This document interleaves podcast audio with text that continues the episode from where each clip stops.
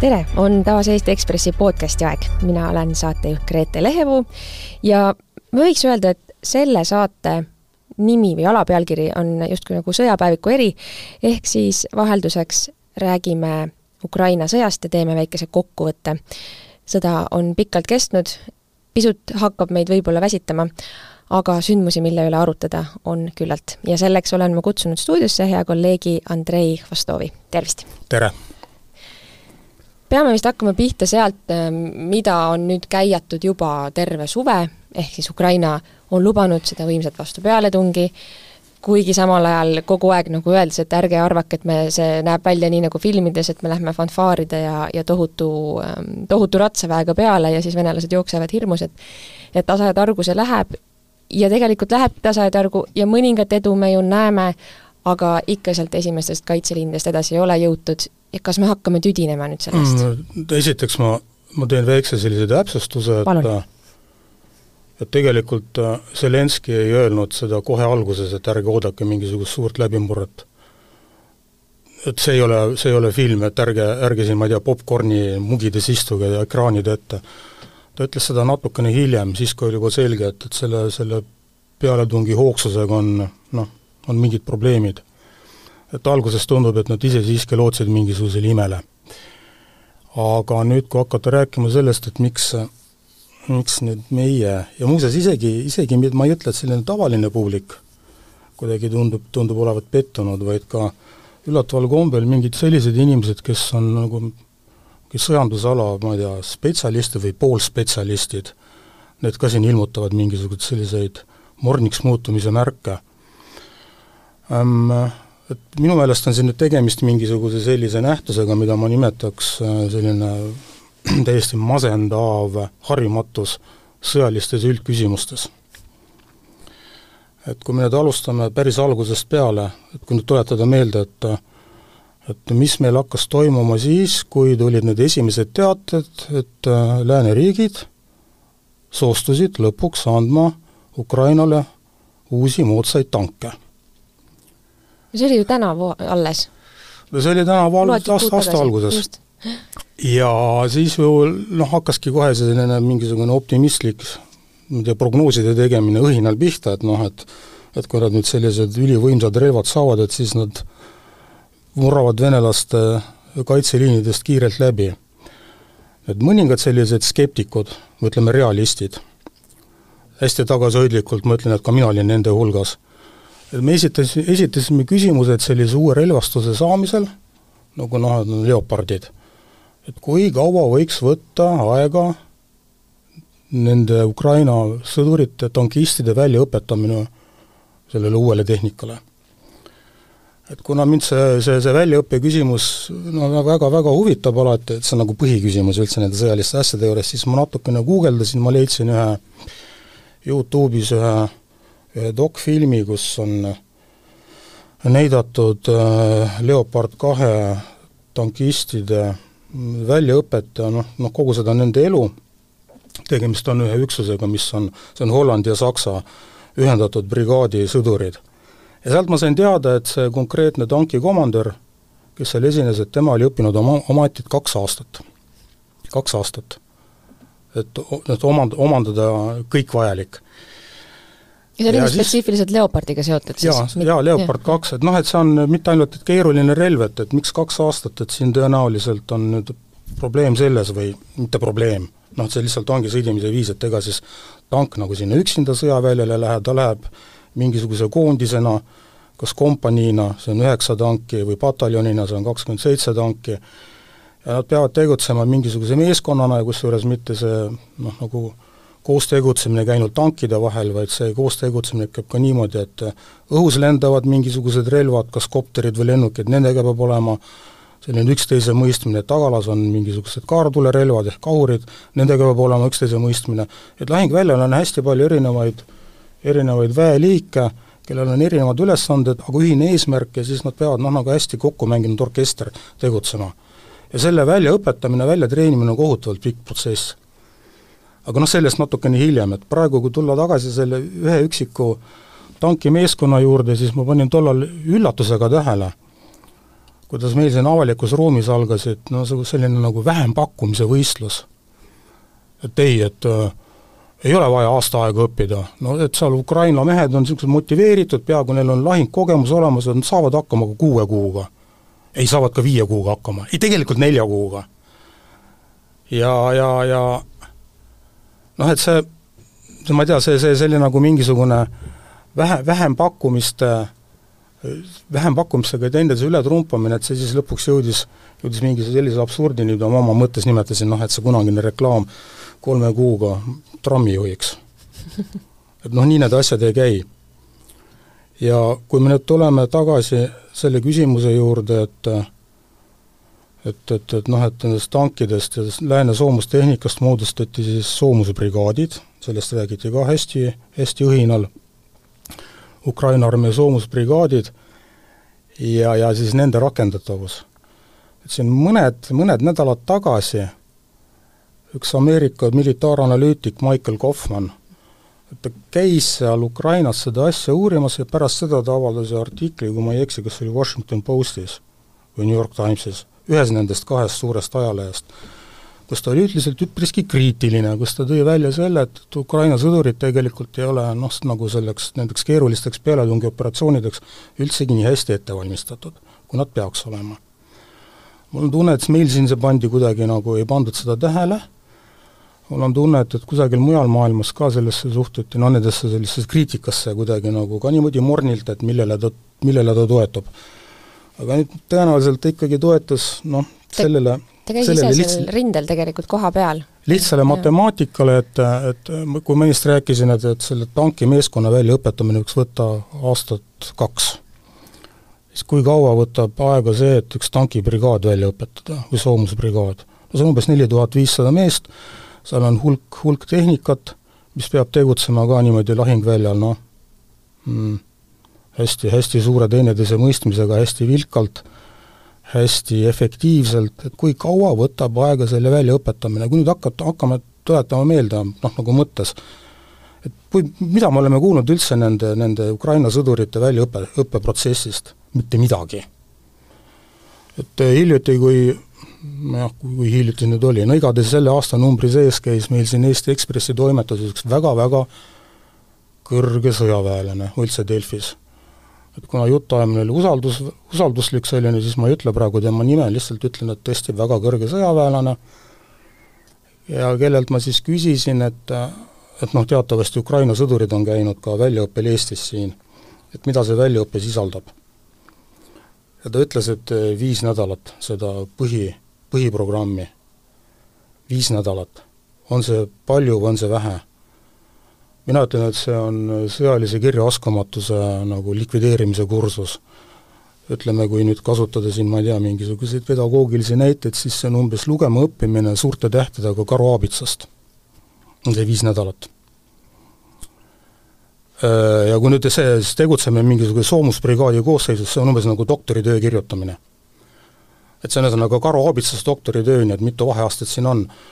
Et kuna ilmselt meie lugejate hulgas on palju inimesi, kes ei tea, mis asi on doktoritöö kirjutamine, siis toome natuke arusaadavama näite, et see, see põhibaaskursus, see on umbes nagu tõuksiga sõitma õppimine, aga see brigaadi juhtimine ja brigaadis tegutsemine, see on umbes nagu Ott Tänak kihutab rallit. noh, et see võrdlus on ilmselt igale lugejale, kuulajale arusaadav ja kuna nüüd see, see, see väljaõppeprotsess, esiteks me ei tea, kus see toimus, Ukrainas see toimuda ei saanud, kuna selliste suurte õppuste läbiviimine tähendab seda, et, et noh, kusagil väljal on palju tehnikat, palju sõdurimasse, vaenlase luure leiab üles need kohad ja sinna võib siis nende rakettidega põrutada. see tähendaks noh, nagu tohutuid kaotusi. kas nad siis õppisid välja kusagil Poolas, või kusagil Lääne-Euroopas, me ei tea selle kohta no, mitte tead, midagi. Suurbritannias ja Saksamaal on, on polügoonid küll, kus nad on jah, aga seal, jah, Suurbritannia need äh, pildid, mis meil tulevad, on ka mingid sellised viie, viie nädala kursused mm. -hmm. nii et kus kohas need mehed välja õppisid, kui põhjalikult nad välja õppisid, see on hästi-hästi suur küsimus. ja selle tõttu mul on tunne, et, et praegu, kui siin noh, nagu hästi pingsalt ootame, et sealt, seal rindel hakkaks mingeid imesid juhtuma, siis ma kardan seda, et Ukraina sõdurid tegelikult neil ongi ebapiisav väljaõpe ja selle tõttu, osaliselt selle tõttu see liikumine ongi nii aeglane.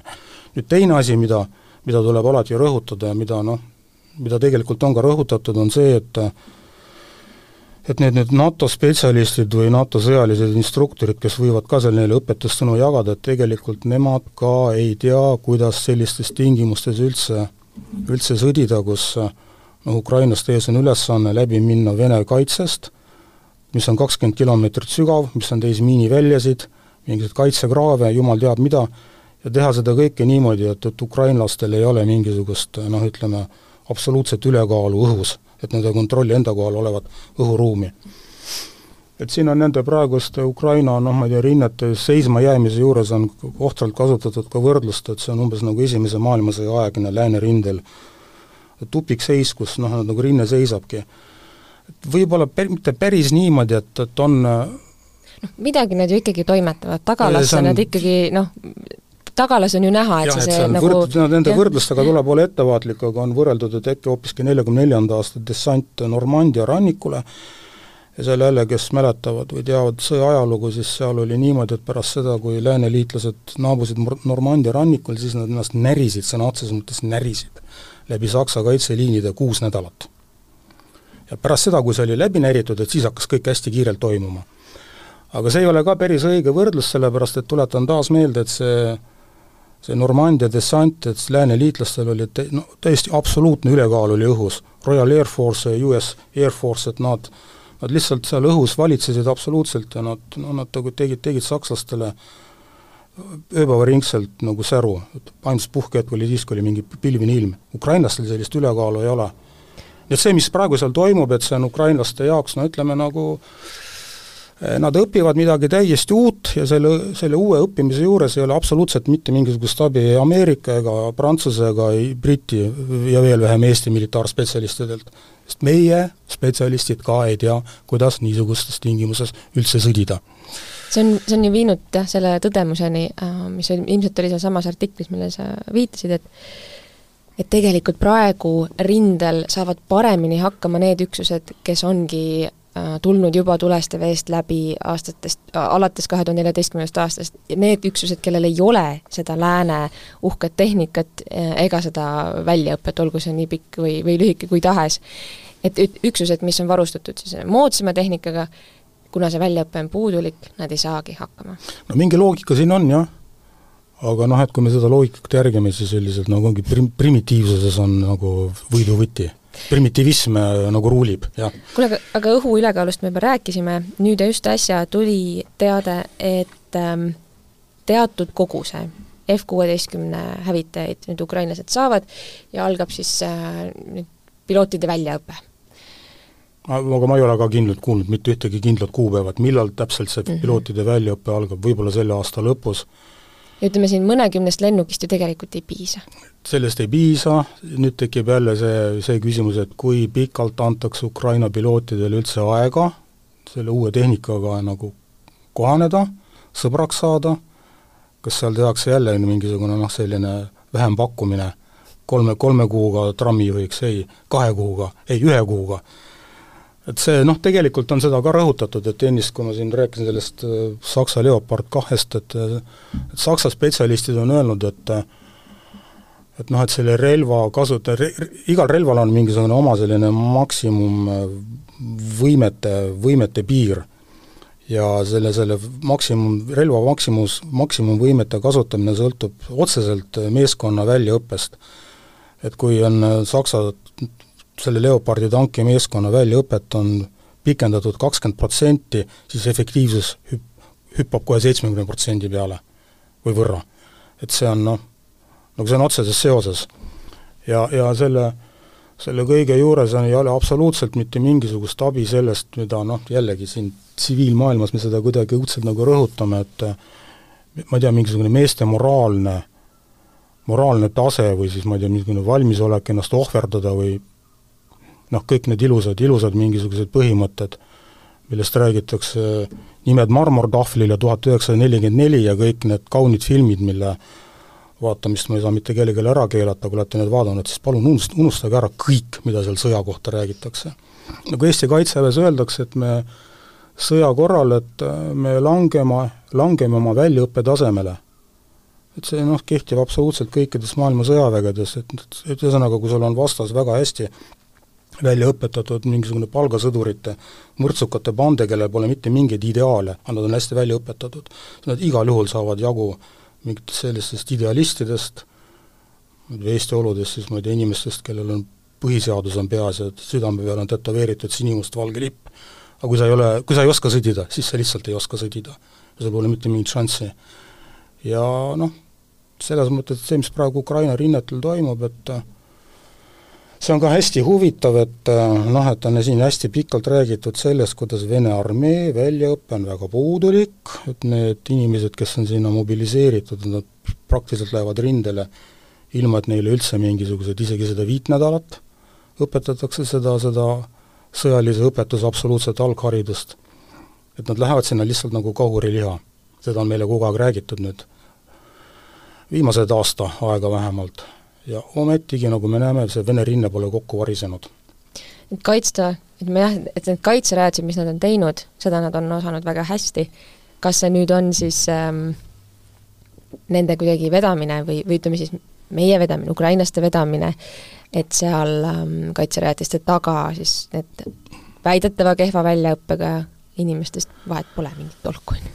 noh, päris nii ei saa ka lihtsustada, et nüüd ma ei tea, ma ei tea, see, see on meie, see, mulle tundub nagu tegelikult äh, lääne ega Eesti vaatlejate või, või siis minu, minu sarnaste ja meie sarnaste selliste jah, täitsa nagu võhiklike vaatlejate soovunelmad on hakanud ära kustuma või mingisugune reaalsus jõuab kohale et, et tegelikult ei ole päris nii, et, et Vene sõdur on seal oma tossudes ja ilma killuvestita ja ukrainlased on, on tohutud tugevad ja vaprad äh, hundid seal vastas no siin on ilmselt, on jälle lihtsalt, äh, omal ajal lubasime endale seda luksust, et me jälle unustasime ära, mida me ajaloost teame, kuidas venelased sõdivad.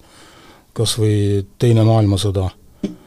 et äh, kuna noh, riik on tohutult suur, on hästi suur inerts, hästi palju ressursse ja sõditakse kuidagi hästi hoolimatult, vaatamata sellele, et kui suured on inimkaotused ja rahvas lepib sellega. Siis see tähendab seda, et venelased, kui nad alustavad mingisugust sõda, siis nad teevad allul kohutavalt palju vigu. aga nüüd erinevalt noh, ütleme mingist Lääne-Euroopa suur, mingist väiksemast riigist, väiksema riigi all pean siis silmas, no tegelikult meie mõistes suurt riiki, mingit Prantsusmaad või Saksamaad, et kelle see taluvuse piir on märksa madalamal, et venelased lihtsalt taluvad siis selle esimese, esimese häda ja õnnetuse ja veresauna ära ja siis nad tasapisi õpivad ja õpivad ja õpivad. See oli sama asi Teise maailmasõja ajal. et no mingid sellised Nõukogude kindralid, kes selle maailmasõja läbi tegid, et nad pärast tunnistasid ausalt, et et me õppisime sõdima alles kusagil neljakümne neljandaks aastaks. Need on esimesed kaks-kolm aastat, nad ainult õppisid kohutavate kaotuste hinnaga, kaotades miljoneid mehi paistab, et nüüd Ukraina sõjas kõik see kordub.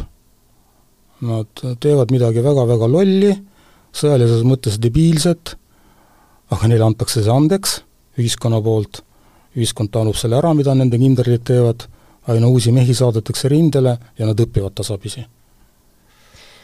asi, mille üle imestati, oli see, et noh, kas või näiteks mõeldes tagasi äh, selle mm, Kiievi ebaõnnestunud vallutamisretke peale, et mismoodi Šoigu ja Gerassimov endiselt ametis püsivad. kas Putin äh,, kuidas jah, Putini loogikat nagu seletada praegu, et ta ei ole neid lahti lasknud ja kas nendest on kasu, oleme me, oleme neid kahte tegelast ka valesti mõistnud, valesti vaadelnud? võib-olla küll, sest et äh see on jälle hästi kummaline, aga see, see venelaste esialgne plaan, Kiievi välk vallutamine, et teatud asjaolude nagu, nagu kokkulangemisel või ma ei tea, teatud tingimuste täitmisel, et tegelikult seal oli mingi šanss, et nad oleksid Kiievi ära võtnud küll kolme päevaga.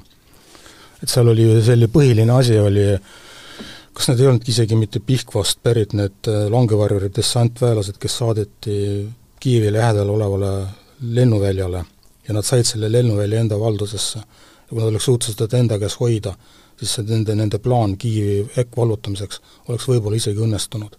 no see Hostomeli lahing oli ikka hästi, hästi tugev ja, ja väga ei no seal jah, et ukrainlased ei teinud seda viga, et nad oleks läinud neid Vene langevarjureid sealt välja tõrjuma mingite oma jalaväeüksustega, vaid nad lihtsalt julmalt tõmbasid kahuri tule peale ja nad lihtsalt, lihtsalt tampisid seal kõik puruks. ja selle tõttu no nagu venelastel ei õnnestunud selle lahing, see lennuväli enda kätte võtta. kui see oleks neil õnnestunud, siis tegelikult see pealtnäha väga avantüristlik plaan oleks võinud isegi õnnust-, õnnestuda. ega me ei tea, mida, mida Gerassimov, Šoigu oma ülemjuhataja ehk Putiniga räägivad, aga aga no see teatud avantürism, et lähme ja, ja põrutame ja vaatame, mis juhtub, et no võib-olla see oli Putiniga kooskõlastatud. et see no kui, nagu, kui nagu, nagu see plaan läbi kukkus, siis noh, no mis siis ikka. teeme uuesti ja paremini.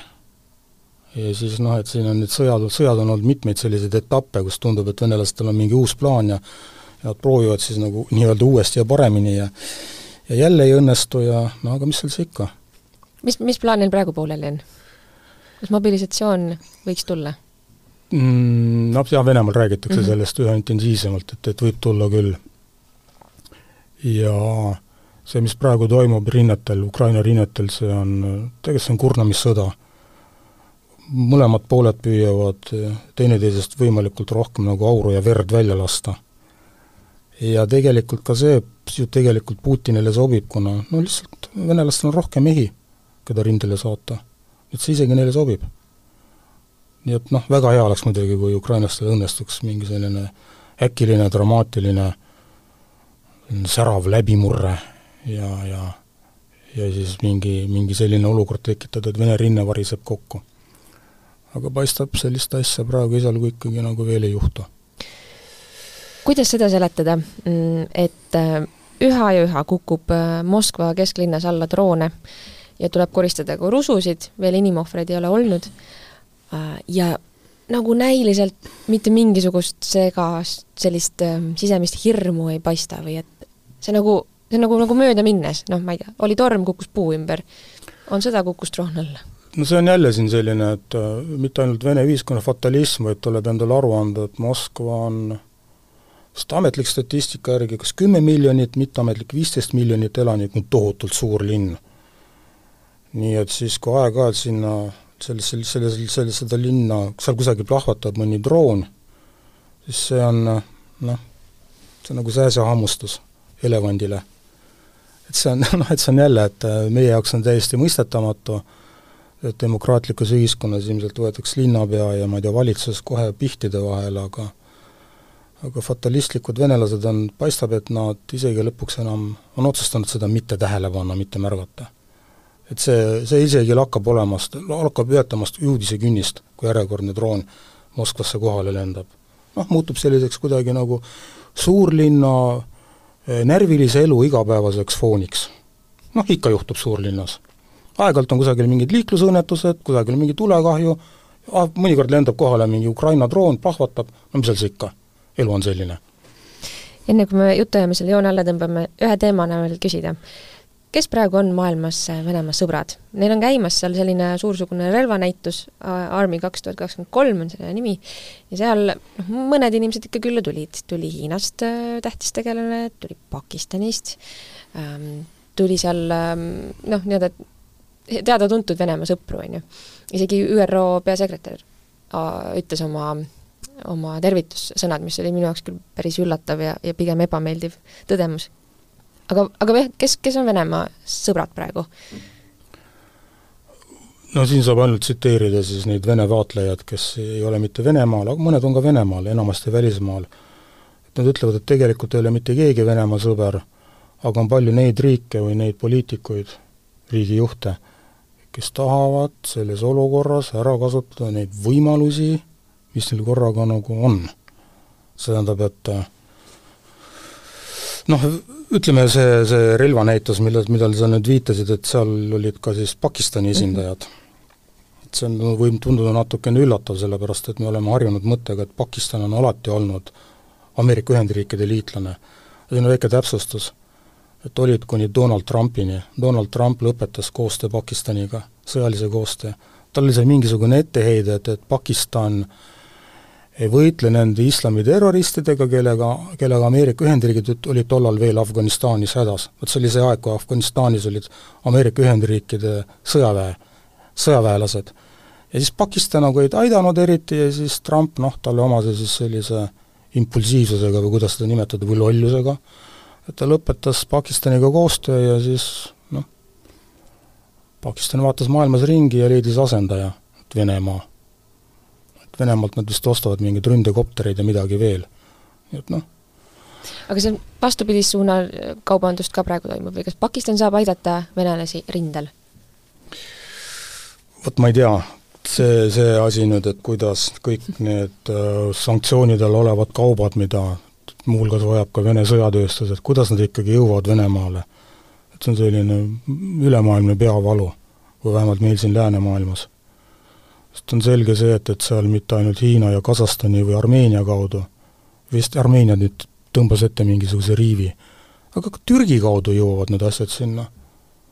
aga midagi vist jõuab ka Eesti kaudu üldiselt seda nimetatakse turumajanduseks.